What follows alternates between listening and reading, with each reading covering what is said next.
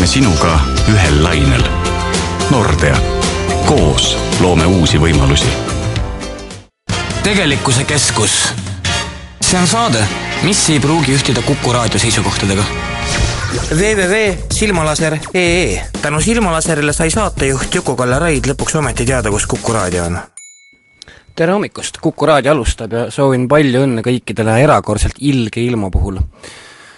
Paljusid see ilmselt täna ei huvita, sest nad istuvad telekas ja vahivad kummalist estraadivõistlust, mille nimi on Eurovisioon aga mõned panevad ennast proovile ja üritavad käia muuseumist muuseumisse, sest täna on muuseumitöö muuseumide ööst on viimastel päevadel muidugi kui sündmusest eraldi hästi palju räägitud ja eks andis see ju ka ajandi siis selleks tegelikkuse keskuseks.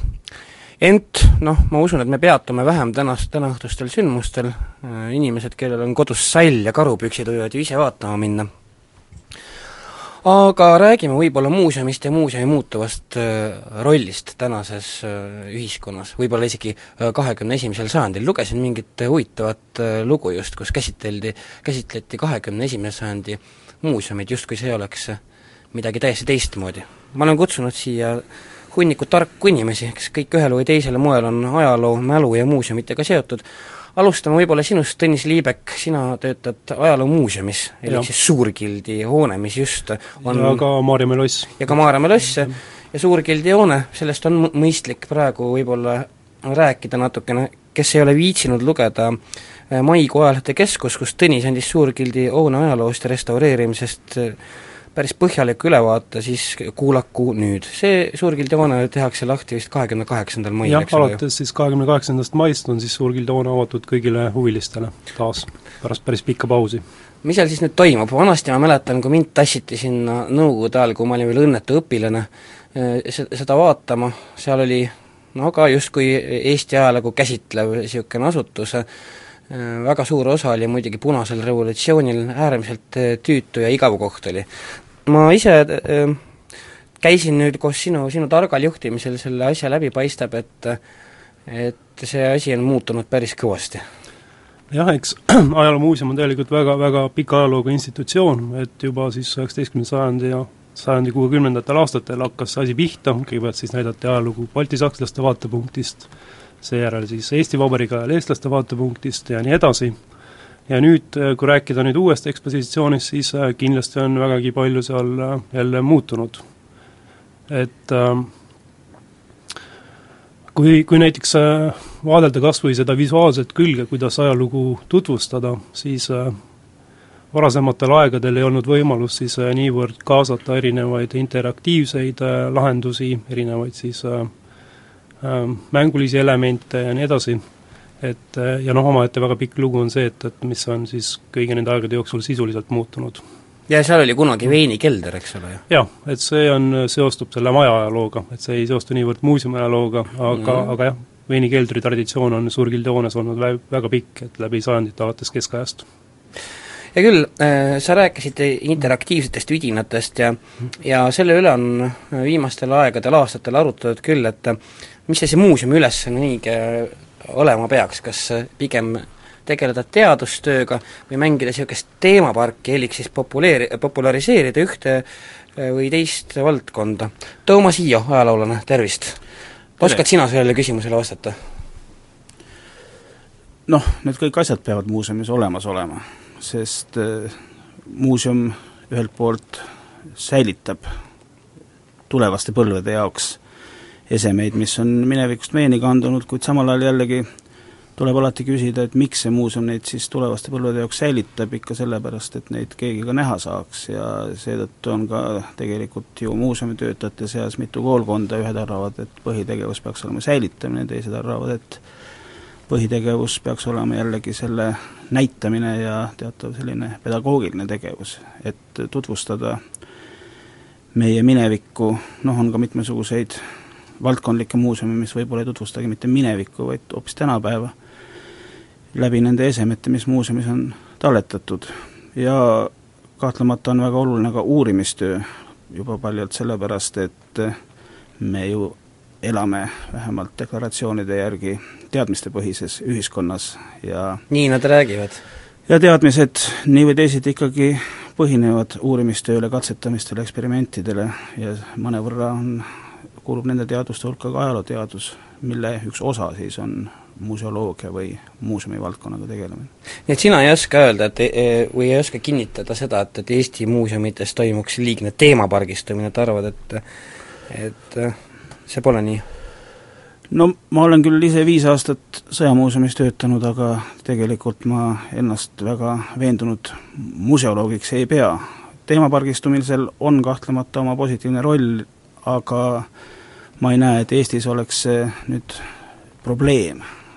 paljalt juba sellepärast no, et see teemapargistamine maksab ikkagi päris palju raha ja teiseks see eeldab, et need külastajate hordid ja massid, kes teemaparki külastavad, oleks väga suur, aga meil noh, meil käib küll Eestis palju turiste, aga elanikke meil on siiski ju vähe ja muuseume meil on Eestis päris palju. meie elanikud ei tea, kus muuseumid asuvad, et see isegi endalegi tuli eelmine aasta, kui tegime siin Eesti Rahva Muuseumi eestvedamise väikest koostööprojekti Keskussiga, siis ma ei, tõepoolest ma ei teadnud, et Eestis on nii palju muuseumeid, enne kui ma nägin seda füüsilist kaarti, mis me lehe vahel ära trükkisime. aga no hea küll, sõjamuuseumid teemapargist, noh tõepoolest ilmselt see tähendaks seda, et sa, seal peaks saama tankiga ringi sõita ja, ja tulistada kaaskülastajaid. no on ka selliseid muuseume, kus mitte Eestis vist, aga küllap mujal maailmas kuskil sa-, saabki tanki, tankiga ringi sõita, püssi saab lasta ka sõjamuuseumis, meil on seal üks selline automaatrelva imitatsioon, elektrooniline kaaskülastajate pihta siiski jah, ei luba tulistada ei Eesti seadus ega ka relvaseadus mitte. kriminaalkoodeks on jah, niisugune segav faktor. karistusseadus tänapäeval. jah. Piret Õunapuu Eesti Rahva Muuseumis, sina oled telefonil vist mul nüüd? jah, olen. Piret, no öö, ma rääkisin siin jah just sellest endale suurest üllatusest, nimelt Eesti muuseumide rohkus, sellest neljakümne, selle neljakümne viie tuhandele ruutkilomeetrile, mis meie maalapikene enda alla võtab, on tõesti muuseume jube palju, vaadake ise kaarti. on, aga tegelikult ma arvan, et see on Eesti kultuurile rikkus, et neid palju on ja oht on hoopis see, et võib-olla nüüd see vähemaks teha. aga igal väiksel paikkonnal oma muuseum on ju suurepärane, sellepärast et kui inimesed väga väikse raha eest on nõus ja tahavad seda oma kohalikku pärimust säilitada, siis ma arvan, et kellel saab selle vastu midagi olla, on olemas loomulikult suured muuseumid, kus inimesed näevad, saavad üldpildi Eesti Rahva Muuseumis Eesti elamise ajaloost, Eesti Ajaloomuuseumis Eesti ajaloost ja nii edasi, rääkimata Kunstimuuseumist ja kõikidest teistest, aga kui me läheme näiteks Hiiumaale või, või läheme Saaremaale, leiame sealt väikseid toredaid äh, talumuuseume, kus just nimelt selle koha riistad ja, ja jutud on, nii et ma arvan, et ainult õnn ja rõõm Eesti rahvale ja kõikidele meie külalistele. no Piret, Eesti Muuseumi ühendab ju mingi salapärane liit ka? jah, see on Eesti Muuseumiühing, mis meid ühendab või ühendab selline, aga ma arvan, et ei olegi väga salapärane, ta on niisugune täiesti avatud kõikidele muuseumitöötajatele ja nende heaks ja, ja kogu Eesti kultuurihuvilise rahva jaoks näeme vaeva ja teeme tööd mm. -hmm. No muuseumid tegelikult Eestis, no minu meelest elavad küll praegu päris, päris head aega ja, ja kuidagi on äh, huvi ikka hüppeliselt kasvanud. mäletan jälle kunagi äh, kusagil üheksakümnendate lõpul tegime Keskussiga sa-, artiklite sarja Eesti muuseumidest ja meil ei jäänud mitte midagi muud üle, kui selle sarja nimeks panna tolmune ja igavene. ja, see, see oli enam-vähem see pilt ka, mis avanes, kui sa, kui sa kuhugi muuseumisse sisse astusid. jumal tänatud, see asi on suhteliselt läbi see on läbi jah, ja see, et mismoodi üks mõte on hästi kinnistunud inimeste pähe, et siiamaani see kõigil meeles on ja siiamaani räägitakse, et muuseumis ei tohi kõva häälega rääkida ja, ja, ja nende susside sahinal tohib sinised on need ilged sussid tuleb jalga panna. tuleb hiilida ühe eksponaadi juurest teise juurde, et see on küll täiesti vale. aga muuseumid on tõesti läinud äh, nagu ülesmäge sellepärast, et äh, siin on palju põhjusi. ja üks põhjus tavaliselt äh, igasuguste asjade toimumisel on raha loomulikult ja meil on suure masu ajal seda tõele, teil on ilgelt palju raha? ei no meil jah, eriti, eriti on muidugi e, tegelikult on küll pilt selles, et meil on niisugused muuseumid, kes on saanud tõesti teha endale uued ekspositsioonid tänu EAS-ile ja Euroopa rahale. ja ja see on võimaldanud noh, ühesõnaga paista muuseumimaastikul silma, paista üldse kultuuripildis silma ja muutunud selliseks atraktiivseks, huvitavaks väga paljudele, nüüd ju siin nagu Tõnis Liivet enne ütles, et ajaloomuuseum saab ju kohe Gildis valmis ja need, neid selliseid muuseumeid, mis on tähele tulnud nüüd Nuku juures, Nuku muuseum see Nuku muuseum on õudselt lahe koht, tõsiselt. on, on. ma mõtlesin, ma pean olema kaheksa-aastane, et mul seal huvitav oleks, aga nüüd üks kahest, kas ma olengi kaheksa-aastane või on see mõeldud ka suurematele? Jaa, ei noh, ühesõnaga on ju suuremad väga, kui sul on jube lahe. ei, minul oli jah, huvitav. siis on kaugemalt Kihnu muuseum näiteks selles mõttes väga huvitav muuseum, et, et pannakse Kihnu sellist raha, et et see ei ole mitte ainult nendele külastajatele, talvel on ju Kihnus suur vaikus ja valge lumi ainult, aga aga seal on see koht, kus käibki kohalik kogukond koos, kus need Kihnu naised omavahel küll teevad näputööd ja, ja, ja räägivad oma naiste jutte ja noh, ta on nagu selline keskus üleüldse ja ja, ja Kihnu on tõesti tänu sellele EAS-i toetusele seda teinud ja no rääkimata Maanteemuuseumist ja, ja neid, neid muuseumeid on ridamisi, ridamisi, nii et, et see oli nagu üks selline lahvatus, mis tegi nagu suure sellise inventuuri muuseumi maastikus. ja kes ei saanud, ei saanud praegu enam uusi niisuguseid avanevaid suuri projekte ei ole, nii et mis tehtud, see tehtud ja jääme lihtsalt selle koha pealt paremaid aegu ootama. muidugi on meil nüüd juba Eesti Rahva Muuseumi töötajana öeldes, et meie ju töötame ööpäevaringselt oma uue püsinäituse nimel, nii et, et see on see, mida Eesti Rahva Muuseumil, Eesti rahval nüüd oodata on, seda oma muuseumi uut hoonet. Tooma siia, äh, noh, räägiti siin Eesti Muuseumi headest aegadest just, võib Piretiga nõus olla jah, eks ka Sõjamuuseum on kõvasti edenenud viimastel aastatel, aga siiski peaks ütlema, et kui muuseumi töötajad iga päev usinasti tööd teevad, siis eh, raha on muidugi oluline, aga ka väheste vahenditega on võimalik päris tublisid asju valmis teha. nii et eh, mingisugusel määral taandub see ikkagi kõik ka ettevõtlikkusele, motivatsioonile ja soovile midagi ära teha või midagi valmis teha mm. -hmm. no Tõnis, jaa. et äh, ka tõesti, Ajaloomuuseum sai osa nendest Euroopa Liidu rahadest, aga samas on ka väga mitmeid muuseumeid Eestis, kes ei ole nendele Euroopa rahadele ligi pääsenud. Ja ega nende olukord tegelikult ei ole väga hea. Aga eks see on oma Eesti... aktiivsusest kinni ka, sest et me teame, et, et päris palju Euroopa Liiduga igasuguste struktuurifondide ja muude fondide raha magatakse lihtsalt äh, käpp suus maha jah, aga kui me räägime ikkagi väiksematest, natukene mitte keskmuuseumitest, vaid maakonnamuuseumitest, siis äh, see töötajate arv ei ole nendes väga suur ja ühe korraliku sellise projekti kirjutamine nõuab ikkagi väga suuri kogemusi ja oskusi. et seetõttu neil ei ole see väga lihtne. et, äh, et siin sel kohal ma arvan, et, et riigil oleks kindlasti veel kõvasti teha, et ka siis riik äh, võiks rohkem panustada just nende muuseumite arengusse, mis ei ole siis saanud Euroopa Liidu toetust jaa, riik on ise ka ju mõnes mõttes muuseum, eks ole ju.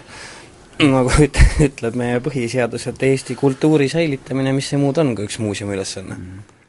tegelikkuse keskus. see on saade, mis ei pruugi ühtida Kuku raadio seisukohtadega www.silmalaser.ee tänu Silmalaserile sai saatejuht Juku-Kalle Raid lõpuks ometi teada, kus Kuku raadio on. tegelikkuse keskus jätkab, räägime muuseumidest, mälust ja muuseumi ööd, mis täna on öö, on meile selle teema ise ette mänginud ja ma loodan, et omalt poolt, et võimalikult vähe inimesi jääb koju Eurovisiooni vahtima, vaadake, elekter on pidada olema ilgelt kallis ja telekas ju võtab seda hästi kõvasti. tuleb otsida puhvaika ja minna vaatama, mis muuseumides põnevat on. me rääkisime mm, erinevatest projektidest Euroopa rahast, millega on tõesti eh, Eesti muuseumide maastikul saadud suhteliselt palju korda saata aga selle taga on ju karm bürokraatia, isegi kui teie võib-olla ei taha seda siin ka avalikult kinnitada, võin kinnitada mina, et see on tõsi, olles paar europrojekti toime pannud, see on jube rägastik, see on ikka vagunitäite kaupa paberit. Piret, alustame sinust. on see tõsi? see on no, see on karm? On, on karm, on, on karm ja üldse see, et nagu ma ütlesin, kõik hästi on, võib jätta must mulje nagu niisugusest lihtsameelsest optimistist, mis on täiesti vale vastupidi sa oled olen, olen raskemeelne pessimist. ma lihtsalt olen tänu muuseumiühingule nagu, kuhu jooksevad kõik muuseumi töötajate mured, no rõõmud ka kokku, aga, aga ma arvan seda, et neid muresid on ikka nii, et ainult rõõmutsemiseks küll põhjust ei ole nojah, ühest küljest on ju igas, igal projektil on terve hunnik äh, reglementi kaasas, linnuke valesse lahtrisse ja otsast peale. ei, see, see on kohutav rägastik, mis tuleb läbida ja, ja ilmselt äh, tänu sellele ka tõesti mõned väiksemad muuseumid ei ole julgenud seda üldse ette võtta ja ja ega ei olegi lihtne seda ette võtta. kui sul ikka spetsialist seda ei tee, siis suhteliselt väike on lootus õnnestuda no siin on ilmselt ka see asi, et eh, ega muuseumides ei tööta noh, tõenäoliselt sugugi mitte nii palju inimesi, et olekski võimalik üldse vast kõikide projektidega kursis olla ja peale selle, kes siis selle põhitöö ära teeb, kui kõik, kõik pabereid täitma hakkavad? jah, ja kust võtab väike muuseum selle raha, et palgata üks osav projektikirjutaja? palju see üldse maksab, tead sa seda või? palju ei tea, täpselt ei tea kui omal ajal muuseumi aasta oli, siis me tahtsime ka ühest kohast raha saada. see oli eelmine ja, aasta ju? see oli kaks tuhat üheksa. kaks tuhat üheksa juba, jumal küll. aeg läheb. tahaks juhata nagu vanaid, küll läheb kiiresti. kas keegi teist, äh, Tõnis või Toomas, teie teate mingit noh, ütleme niisuguse mm, laiahaardelisema europrojekti kokkukirjutamise hinnast midagi?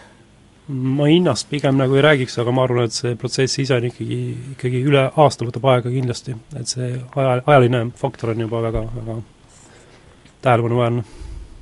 aga oskad sa öelda, eh, eh, mille järgi need ja kuidas need valdkonnad jaotuvad, kuidas siis ütleme, Euroopa raha on võimalik siis meie mälule ja minevikule eh, kasutada, eks see, see on ju ka kindlasti mingi veel omaette süsteem? see on siis äh, ikkagi seotud turismi, turismindusega, et tulevad mm -hmm. siis inimesed, kes tahavad kül-, muuseumeid külastada ja samal ajal nad siis ööbivad ka hotellides, külastavad restorane ja nii edasi. et see on nii-öelda siis Eesti üldise äri või siis majanduse edendamiseks mõeldud äh, rahad. Need üldiselt igas muuseumis peaks olema ka puhvet, ma saan aru, jah? ei, see on just äh, välistatud, et selleks ei anta raha, kuna see siis konkureerib eraettevõtlusega ja selleks Euroopa Liidu rahasid ei tohi kasutada mm. -hmm. et see, kui keegi muuseum tahab teha näiteks puhveti, siis ta peab ise selleks raha leidma kusagilt mujalt jällegi mm. -hmm no kuulge, äh, räägime korraks tänasest muuseumidest, Toomas, äh, on mingi kindel koht, kuhu sina soovitaksid minna? mina töötan Sõjamuuseumis ja mina soovitan tulla Sõjamuuseumi. meie, meil hakkab äh, üritus kell kuus ja kestab kümneni, nii et päris ööga ei ole tegemist, aga kuna sõjamuuseum on Viimsis, siis eks paneb ka bussiliiklus teatavad piirid ööle. käib ju mingi buss, sõidab muuseumide vahel ringi Tallinnas vähemalt? jah, aga ma ei usu, et see nüüd nii tihti sõidab, et me saaksime seal igale külastajale võimaldada temale sobival ajal ära minna või kohale tulla mm. -hmm. ja meil on kavas ekspositsiooni vaatamine, meil saab vaadata ka neid suurtükke, mida Soome riik ja Soome sõjamuuseum meile paar aastat tagasi kinkis, neid on paarkümmend tükki. ja siis on meil ka kavas üks selline Skype'i abil toimepandav videosild või ma ei teagi, mis see tänapäeval on, helistamine Afganistani, kus siis seal teenivad Eesti otse sõjaväljale? no kas just päris sõjaväljale, sõjaväljal ei ole aega muude asjadega ehk rääk-, tegeleda, aga vähemasti sinna lähedale küll. Mm. -hmm ajaloomuuseumis, Tõnis, mis toimub, ega, ega, ega ometi sinna Suurgildi majja Pikal tänaval ju ei. pääse, eks Suurgild on ikka veel praegu kinni, käib, käivad viimased ettevalmistused siis maja avamiseks, aga Maarjamägi on küll avatud, alates kella kuuest algab siis muuseumiöö programm seal ja kestab kuni kella üheteistkümneni. Ja sinna saab küll väga kenasti siis äh, nii tavaliste liinibussidega kui ka spetsiaalse siis äh, muuseumiöö bussiga. ja mm, -hmm. ja nagu ka paljudes teistes muuseumites on jah, erinevad siis programmid, ekskursioonid ja näidatakse filmi ja saab külastada näituseid ja vägagi palju tegemist. Piret, oskad sina ka midagi enda maid, puhtalt enda maitse järgi soovitada? ma tegelikult soovitaksin enda maitse järgi loomulikult kõigepealt Eesti Rahva Muuseumis võib-olla oleks kuradi mänedžerid? ei, kuula nüüd, kuula nüüd, kuula lause lõpuni, ma tahtsin öelda, et mitte tulla Eesti Rahva Muuseumi majja, mida inimesed kõik teavad, aga meie Eesti Rahva Muuseumi all on ka praegu ju Anu Raua henktel ja kus ka seal toimub väga tore, õdus ja mõnus ilmselt muuseumöö, kus oodatakse külalisi ja ja tehakse mitmesuguseid programme, nii et ühesõnaga Viljandi inimesed võivad ka sinna minna. aga ise lähen ma, kuna ma otseselt muuseumimööga Eesti Rahva Muuseumis seotud ei ole, lähen ma hoopis Mart Saare muuseumisse Hüpassaares, mis on selline hästi suur murelaps olnud muuseumimaastikul, aga järjest võib-olla ikkagi kosub.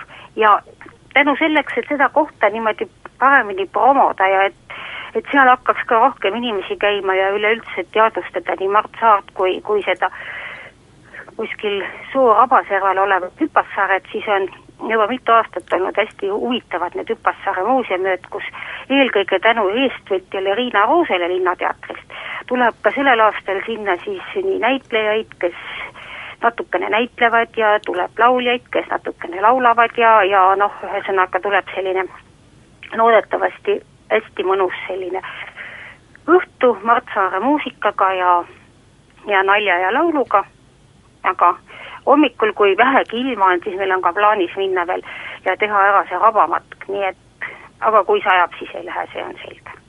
see kõlab täitsa lahedalt.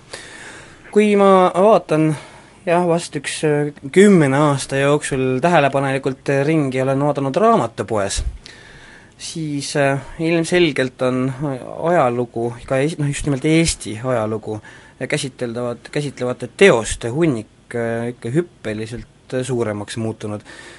ja teades ka muuseas enam-vähem nende raamatute tiraaži ja, ja ja ütleme siis numbrit, mis nagu kuus või nädalas enam-vähem ilmub, siis võib küll öelda, et et mineviku ja mälu suhtes on Eestis mingi iseäralikult suur huvi. ma ise väga täpselt ei oskagi seda seletada, sest et mm, see võimalus neid, neid asju kirjutada oli ju tegelikult kohe peale ise, taasiseseisvumist, aga ometi läks mõni aasta aega, võib-olla vast siis sellepärast, et inimesed lihtsalt tegid seda nii kaua või Toomas siia? no selle huvi suuruse on muidugi tinginud see, et äh, Nõukogude ajal ei ilmunud midagi? no ilmus küll, aga need ei olnud tingimata need, mida inimesed oleksid tahtnud lugeda või kus oleks olnud see ajalugu, mida nad tegelikult teadsid, milline see Eesti ajalugu tegelikult oli, teadsid siis kodust ja vanaemadelt ja nii edasi, sest koolis seda ju ei tohtinud eriti õpetada. Ja eks need kirjutati ka siis muidugi sahtlisse, nüüd noh, see pole küll päris ajalookirjanduse valdkonnast, aga nagu me teame, äsja ilmus näiteks Raam-, Raimond Kaugvere üks raamat, mis tal oli nelikümmend aastat sahtlis olnud enam-vähem. ja mis sai ka suhteliselt juhuslikult tuli välja tegelikult. just, aga see näitab, see ajalookirjanduse suur hulk tegelikult näitab seda, et eh, on inimesi, kes teevad seda mõneti ikkagi ka missiooni pärast, sellepärast et ega ajalooraamatu kirjutamisega rikkaks keegi ei saa, et pigem tuleb sinna kulutada oma aega ja võib-olla teha seda muud töö kõrvalt. Ja see näitab, et ajalugu huvitab eestlasi võib-olla rohkem kui mõnes teises riigis, sest me ühelt poolt me saame rääkida ju, eks ole, ajoraamatutest, mis puudutavad Eesti ajalugu, aga kui me vaatame ikkagi ringi, siis äh, raamatupoodides, siis neid raamatuid, mis peaasjalikult inglise keelest on tõlgitud, ilmub vast veelgi rohkem ja veelgi suuremas tiraažis. kindlasti, kõige naljakamal kombel on Hitler ja tema toredad sõbrad kõik äh, noh, nii ka erinevatel moodidel läbi ekseldatud, üks, üks hullem raamat kui teine. no see on juba pigem tootearenduse küsimus kui ajaloo huvi seda kindlasti. aga hea küll, see ajaloo huvi on suur, siin mõned aastad tagasi jah, me ka kurtsime selle üle, et Eesti ajaloolased saavad suhteliselt harvem midagi valmis kui näiteks üle lahe soomlased Eesti ajaloo kohta. et, et see hakkab minu meelest tasapisi üle minema või kuis? no soomlased on natuke teistmoodi sellepärast, et eh, neil on see lihtsalt majanduslikult võimalik noh, kui me peame silmas Tuurdula raamatuid või siis ka yeah. Seppo Zetterbergi omi, noh, kahtlemata on seal taga sügav huvi eh, autorite poolt, aga seal taga on kindlasti ka kirjastuste huvi ja usk, et need raamatud tõepoolest ka ära müüvad. meil siin nii lihtne nende asjadega ei ole olnud ja ikkagi ka ajaloolased, kes raamatuid kirjutavad, teevad seda oma põhitöö kõrvalt. sest eh, teadussüsteem kui niisugune ikkagi eelistab artikleid sest ainult nende järgi mõõdetakse seda, kui kõva keegi teadlane on. vot see on jah naljakas äh, koht Eesti teaduses, miks äh,, miks see nii on ja, ja ma, see võiks ju küll ometigi veidikene muutuda, Tõnis. jah, ma arvan, et siin on kindlasti koht äh, mõelda, ja niivõrd, kui ma olen nagu ajaloolastega rääkinud, siis on, enamus neist on rahulolematud, et just äh, rohkem tõesti väärtustatakse neid artikleid kui erinevaid monograafiaid ja kogu see siis äh, teaduse rahastamise süsteem nagu soosib mingil määral rohkem siis äh, loodusteadlasi kui humanitaarteadlasi, et, et see nagu süsteem on tehtud pigem nagu nende järgi. et äh, loodusteadlaste jaoks on võib-olla tõesti üks äh, hea artikkel kusagil mainekas ajakirjas väga oluline, aga kui rääkida Eesti ajaloolastest, siis äh, siis ikkagi on vast olulisemad äh, need monograafiad, mis puudutavad Eesti ajalugu ja mis on siis siin kohapeal avaldatud. nojah, aga ütleme, Eesti, Eesti ajalooga tegeleval inimesel on noh, päris raske sattuda rahvusvahelisse ajakirja, kuna see teema on ju Eesti-keskne, jumal küll. no ei ole pär-, enam nii raske, sellepärast et paarkümmend aastat on ikka iseseisvust jälle olnud ja inimesed on selles siis kõvasti vaeva näinud ja neid Eesti ajaloolasi, kes avaldavad tunnustatud rahvusvahelistes ajakirjades, on päris palju, aga ajaloolaste puhul ja üldse humanitaarteadlaste puhul on see probleem, et kui loodusteadus kui niisugune on ju ülemaailmne teadus, üks ja sama objekt, siis mm -hmm. ajaloolastele on kohati pandud topeltkoorem, kõigepealt nad peavad kirjutama rahvusvahelisel teadusmaastikul söödavad tekstid kas inglise, saksa või mõnes muus keeles, ja siis on pandud neile veel ka see rahvusteadlase kohus teha midagi ka kohaliku publikumi jaoks. ja kui ei tee, siis saad iiriseda ei saa eriti, selles mõttes, et on ka ju neid, kes teevadki ainult rahvusvahelisele teadusmaastikule tekste ja nendega ei juhtu midagi, pigem vastupidi. no on. aga äh, tulles nüüd tagasi muuseumide juurde, äh, siit ajalookirjanduse juurest, siis äh, jõudsime juba jah, enne rääkida sellest, et huvi äh, muuseumide vastu on kasvanud, aga huvitav, kas keegi oskab mulle ära seletada selle fenomeni? miks, miks on vaja ühte ööd aastas, kus nagu, nagu noh, tõepoolest kõik inimesed lähevad äh, korraga ühte muuseumisse, rüselevad seal nagu sõidaks trammiga tööle ja, ja, ja muul ajal no ei ole väga muuseumid ka nüüd nii rahvast täis ma ei tea, kellest me alustame? ma arvan, õunapuu oleks kindlasti õunapuu? räägi välja ma arvan, et ilmselt on üks põhjus küll, mis ma oskan öelda, miks vaja on, et kui, kui ta sellel ühel õhtul ööl läheb sinna, saab sealt mingi võimsa elamuse. tegelikult sa ei pääse stendi juurde, eks ole ju, et siis lähed no, tagasi. Vast see aeg on üles, et kui esimene kord see suur muuseumi öö oli, siis oli tegelikult ju pärast nii, et paljud, eriti Tallinna muuseumite direktorid ikka olid täiesti paanikas, sellepärast et nad kartsid, et põrandad ei pea vastu mm. -hmm ja, ja samas on see, et puudub noh, kontroll, turvakontroll oli täielikus mures, sellepärast et juba puudus ülevaade, kes kui palju noh, ühesõnaga tõesti inimene oli inimeses kinni. kes kui palju varastab? Noh jah, ei üldiselt, kui nüüd just klaasi katki ei löö, siis püüti ikka võimalikult esemeid ära turvata, sellel ööl vähemalt. aga ma arvan seda, et, et põhimõtteliselt, kui sa korra lähed ja sul on olnud niisugune vau, vahva, miks ma siin pole varem käinud, siis lähed teinekord, kui juba enam ei ole rahvast ja lähed ja vaatadki, mis seal on. nii et, et ma arvan, et see massipsühhoos kui see toimib, ma ei tea, kas ta täna õhtul toimib tõesti. eelmisel Aga... aastal oli küll, kusjuures huvitaval kombel oli väga palju, väga palju mingit noort venekeelset kaadrit ilmselt, kes olid Lasnamäelt üldse esimest korda kesklinnas, kui mõni kaubanduskeskus välja arvestada ar, arvata. vot seda ma usun ka ja näiteks mina ise eelmisel aastal käisin kõikides enamus ma nüüd päris kõikides ei käinud, äh, Tartu muuseumites ja näiteks Tartu Ülikooli Loodusmuuseum oli üks niisugune koht, kus oli kohutavalt palju suhteliselt hilja, no kuskil peale kümmet, inimesi, nii eestikeelseid kui venekeelseid väikeste lastega, kes kindlasti olid esimest korda avastanud selle võimaluse, et lastel on võimalik loomi näidata, vaat see oli see topist õige koht.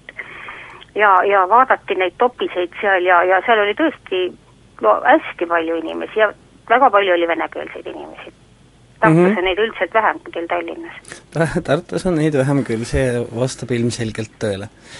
nii et äh, selles mõttes see on siis sinu idee on see, et äh, muuseumite puhul on see on vast ainuk-, ainu-, üks ainukesi kohti, kus massipsühhoos on hea? jah, ma arvan küll, tähendab, kui muuseumid suudavad ennast mobiliseerida nii, et nad on valmis selleks tulvaks, noh, kui on, kui on karta, et tulv tuleb, siis, siis on, siis on kõik hästi Toomas siia muigas salakavalalt, mis sa öelda tahad? ma mõtlesin just, kui sa seda küsisid, et miks just üks öö ja miks selline massipsühhoos, siis ma mõtlesin selle peale, et kui mõtle, kui iga laupäev oleks Eurovisioon. oh jumal küll! siis okay. ei vaataks seda ju enam keegi. eks muuseumid tulevad korraks tähelepanu alla ja võib-olla see ongi hea, et see on üks kord aastas selline asi, siis jätkub terveks aastaks ja järgmine aasta jälle no jaa, aga õnneks on see, et muuseumid on lahti praktiliselt suurel osal päeva, päevadest aastas, erinevalt Eurovisioonis, mis tõesti õnneks toimub ühe korra aastas. No muuseumid ei ole ju tegelikult lahti, muuseumid on äh, lahti küll nädalavahetuseti, aga me kõik teame, et nädalavahetusel on muudki teha ja tööpäeviti, eks muuseumitöötajad on ka inimesed, ega nemad ei viitsi seal pärast tööpäeva lõppu eriti pikalt istuda, selleks et võib-olla keegi, kellel töö ajal pole aega, pärast tööaega ehk tuleb see on jah, kusjuures äh, see on tegelikult, ma ei tea küll, kelle, kelle kapsaade peaks selle granaadi viskama, aga muuseumidel kipub see häda olema, et sellel, sellel ajal, kui see tavaline kodanik lõpetab töö, siis äh, panevad muuseumi valvurid äh, oma salli, mis neil pooleli on, kotti ja lähevad ka minema. see on ju noh, see on ju tegelikult ise takistuste tegemine inimestele. noh kes räägib? ega seal väga head lahendust ei ole, et, et kindlasti oleks väga kena, kui võiks nagu hoida siis äh, ööpäevaringselt lahti muuseumeid oi, see oleks armas. see on nagu, nagu, nagu mõnedes riikides on ööraamatupoed, mis on tõesti öö, läbi lahti. nojah, need on suured riigid, seal on miljonilinnad, kus on alati inimesi, kes käivad ja jär-, noh, raamatupood, raamatupoel on ikkagi selline tulutaotlev eesmärk, järelikult tasub see ära, aga selleks, et keegi istuks äh, nagu konveieritööline öises vahetuses kogu aeg, selle, selleks peab olema mingisugune kas just raha, aga mingisugune sügavam põhjus, et see tõepoolest oleks mõttekas. ja ikkagi ei saa ka väga siis õhtupoole lükata neid avamisaegu, sellepärast et, et turistid, kes tulevad linna külastama, on, alustavad juba oma ringkäiki üsna varakult ja nemad on juba ennem kümmet juba ukse taga, et äh, et seetõttu ei ole ka nagu mõistlik äh, alu-, avad, avada alles kella kaheteist paiku näiteks mm. -hmm. jah, sest öös, öiseks ajaks on turistidele teistsugused meelelahutused mm -hmm. ette nähtud Piret, ütle mulle, äh, palju on Eestis äh, kokku muuseume? muuseum on Eestis kuskil natuke pealt kahesaja viiekümne, aga sellele eelnevale jutule ma tahaks lisada ühte asja veel. et tegelikult ju muuseumi personal ei koosne ainult mitte nendest inimestest, kellest sõltub see, et muuseum lahti on, muuseumis on koguhoidjad, restauraatorid, teadurid, väga palju inimesi, kes tegelikult ju niikuinii töötavad omal kas siis kaheksast viieni või üheksast kuueni, oleneb muuseumist ja kelle olemasolu on väga oluline muuseumi funktsioneerimiseks, aga absoluutselt ei sõltu see, millal muuseum lahti on. nii et tegelikult öelda, et muuseumitöötajad panevad sallikotti, on õige nende kohta, paljud muuseumid katsuvad olla natuke kauem lahti. aga siin tuleb siiski mängu raha ja seda ma tean väga hästi seoses muuseumiööga, sellepärast et kuna muuseumiööl on muuseumid avatud tasuta yeah.. ja sellel aastal Kultuuriministeeriumis sellel koosolekul oli meil väga kõvasid vastaseid, kes ütlesid, et no palun natukenegi me tahame sellega teenida. aga no ei saa. Nii et ühesõnaga, see näiteks, kui kaua Kumu ennast lahti hoiab, see on ikka väga suured summad juba, kui sa pead seal ma, ma nagunii ei saanud aru, kummal pool sa oled, kas sa oled selle suhtumise poolt, et natukenegi teenida, Kumul vist on ka üks euro pilet? absoluutselt, ei, ei, mina olen absoluutselt selle poolt, et on ilma rahata, et ma, minu seisukoht oli siis ja on jäädavalt. et see ei ole mitte mingisugune üllatus, et on muuseumöö, et selle saab iga muuseum endale sisse planeerida, teades väga hästi, et niisugune üks kord aastas on see aeg, kui ta peab olema lihtsalt kauem lahti, neli tundi, viis tundi, nii et, et seda on võimalik küll targa planeerimise juures ette teades endale võimaldada, nii et me ei saa öelda, et see tuleb nagu äike äkki. väga hea no meil Sõjamuuseum on selles mõttes natukene teistmoodi muuseum kui teised Eesti muuseumid, sest nagu ka mujal Euroopas, Sõjamuuseum on tasuta, seal piletit mm -hmm. ei mhm. ole ja teiseks on meie personal nii väike, et meil nii sellist tädi, kes seal nüüd igas saalis salli koe-, kooks ei olegi. Teil ei ole isegi onu, kes salli koob seal? jah, ei oskagi õieti. ja ja meil tuleb ekskursioone teha kõigil, ka teaduritel ja direktoritel, sest meil on personal väike. tegelikkuse keskus see on saade, mis ei pruugi ühtida Kuku raadio seisukohtadega. Www.silmalaser.ee tänu Silmalaserile sai saatejuht Juku-Kalle Raid lõpuks ometi teada, kus Kuku raadio on. tegelikkuse keskus jätkub veel, räägime muuseumidest, mälust, täna äh, soovitame minna kindlasti muuseumiööd vaatama ja kuulama Eurovisiooni asemel näiteks on olemas targad inimesed, kes sellest oskavad palju paremini rääkida kui saatejuht, ajaloolased Tõnis Liibek, Toomas Hiia ja Piret Õunapuu Tartust telefonilt, kes mehkeldab Eesti Rahva Muuseumis. Piret rääkis enne, mm, suhteliselt vähe aega meil, aga, aga võib-olla jah, see muuseumi teine pool, mis, mis jääb publikule kättesaamatuks või, või, või nägematuks, on tõepoolest teadurid ja inimesed, kes siis hoolitsevad selle, selle eest, et muuseumi kogul oleks ka mm, mingi ülevaatlik, teaduslik, akadeemiline väärtus. muuseumid muidugi äh, erineval erineval moel on erinevates muuseumides neid teadureid erinev hulk, erinev protsent, aga noh, need on ju need inimesed, kes tegelikult ei lase sellel asjal ainult teemapargiks muutuda. Piret? Ma väga loodan, et nii ongi. sellepärast, et tegelikult on ju niimoodi, et muuseumil on üks väga konkreetne põhimõte, peab olema minu meelest ja see on see, et muuseum ei valeta. muuseum võib võib teha igasuguseid asju, mis on võib-olla liiga atraktiivsed, tunduvad mõnele või midagi niisugust, aga me ei tohi, me ei tohi keerata tõtt pea peale. ja tänu sellele ma arvan, et selline tulek ikkagi muuseumite puhul on kõikidele inimestele teada. Nad vähemalt eeldavad seda. siis on see ka põhjus, miks inimene tahab tulla muuseumisse, sellepärast et meie ümbritsevas elus on kohutavalt palju ki-, kisa-kära ja, ja me ei tea, kes räägib õigust, kes valetab, kes mäletab, kes ei mäleta, mida ta on kunagi lubanud, teinud, ütelnud, nii et, et see selline suhteliselt suur ebakindlus, ma kujutan endale ette, selles järjest kasvavas infotulvas võib inimesel olla ja ja selles suhtes peaks see muuseum olema niisugune kindel koht ja varjupaik, et kuhu sa lähed ja sa tead, et vot nüüd siin ikkagi ongi noh, niimoodi, et et siin ma saangi teada, kuidas oli. vähemalt kui ma, kui ma ei saa aru, mis toimub, siis ma saan teada, kuidas oli ja,. jah, jah, kusjuures tegelikult on ju muuseumid väga suured sellise inimese mäluga manipuleerijad, sellepärast et iga muuseum on ju oma aja laps. me kõik mäletame veel revolutsioonimuuseumit, see oli ta vist revolutsiooni Tartus oli mingi Lenini venna taskuna muuseum ka jaa, see oli kohe praeguse Eesti Rahva Muuseumi vastas.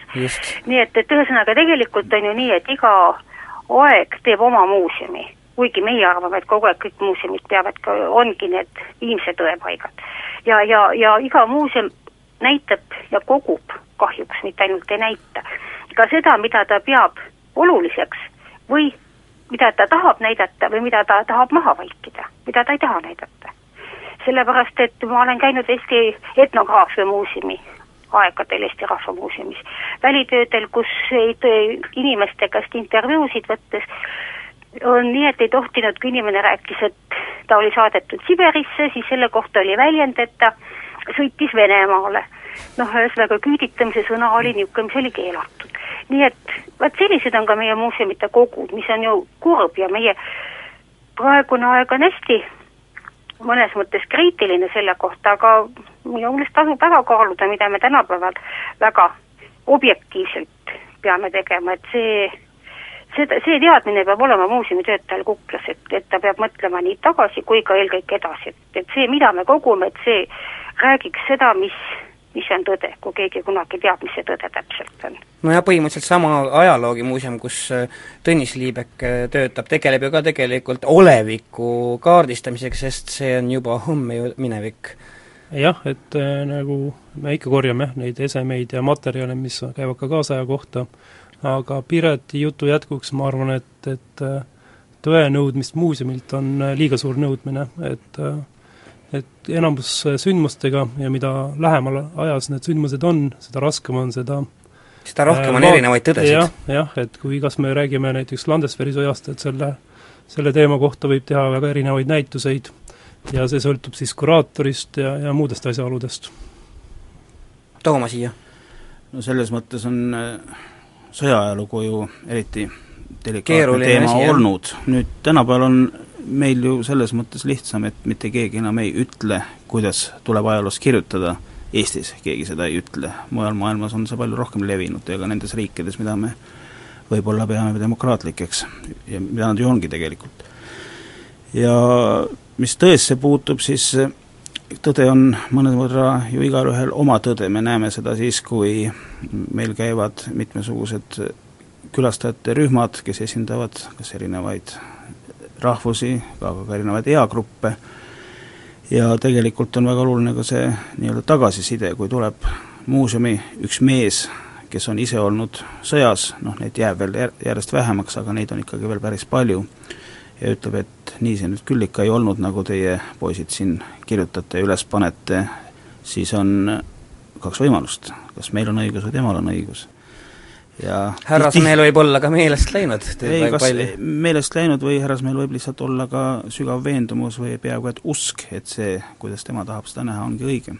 Ja selle peale, siin ongi just väga oluline see teadurite ja õpetlaste tegevus muuseumi taustal, kes, sest ajalugu on ikkagi teadus, mis võimaldab välja selgitada, kuidas tegelikult oli ja isegi, et miks oli.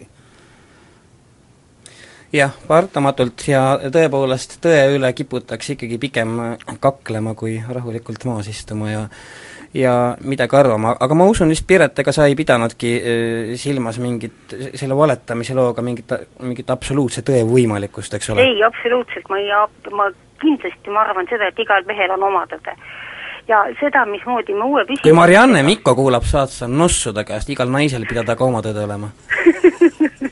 Seoses Eesti Rahva Muuseumi uue püsinäitusega, kus me peame mõtlema kõigi peale, ühesõnaga kõikide sihtgruppide peale, kõikide igasuguste vähemuste peale, et kõik siit midagi leiaksid, see on selline kõndimine mingisugusel uskumatult peenikesel köiel, et, et ma loodan väga, et, et me astume sealt kõrvale kindlasti, aga et me lihtsalt lausa käpuli ei kuku.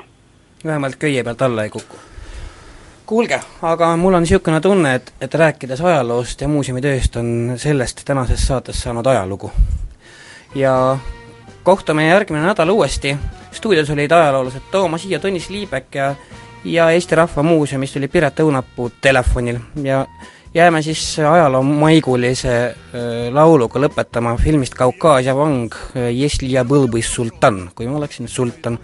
Eduard Tooman laulab, nägemist! стороны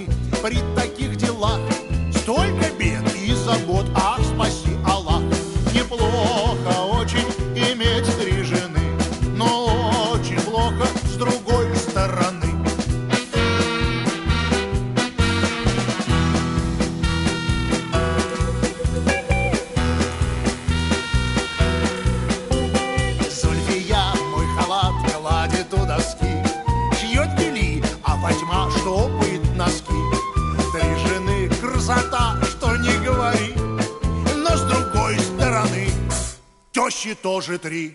Неплохо очень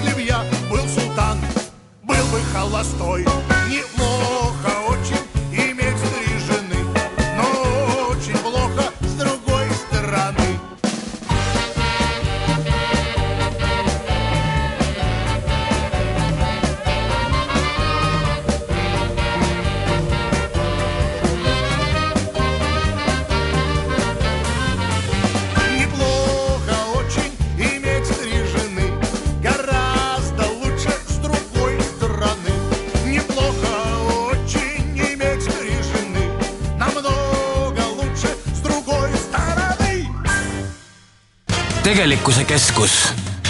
see on saade, mis ei pruugi ühtida Kuku raadio seisukohtadega. Www.silmalaser.ee tänu Silmalaserile sai saatejuht Juku-Kalle Raid lõpuks ometi teada, kus Kuku raadio on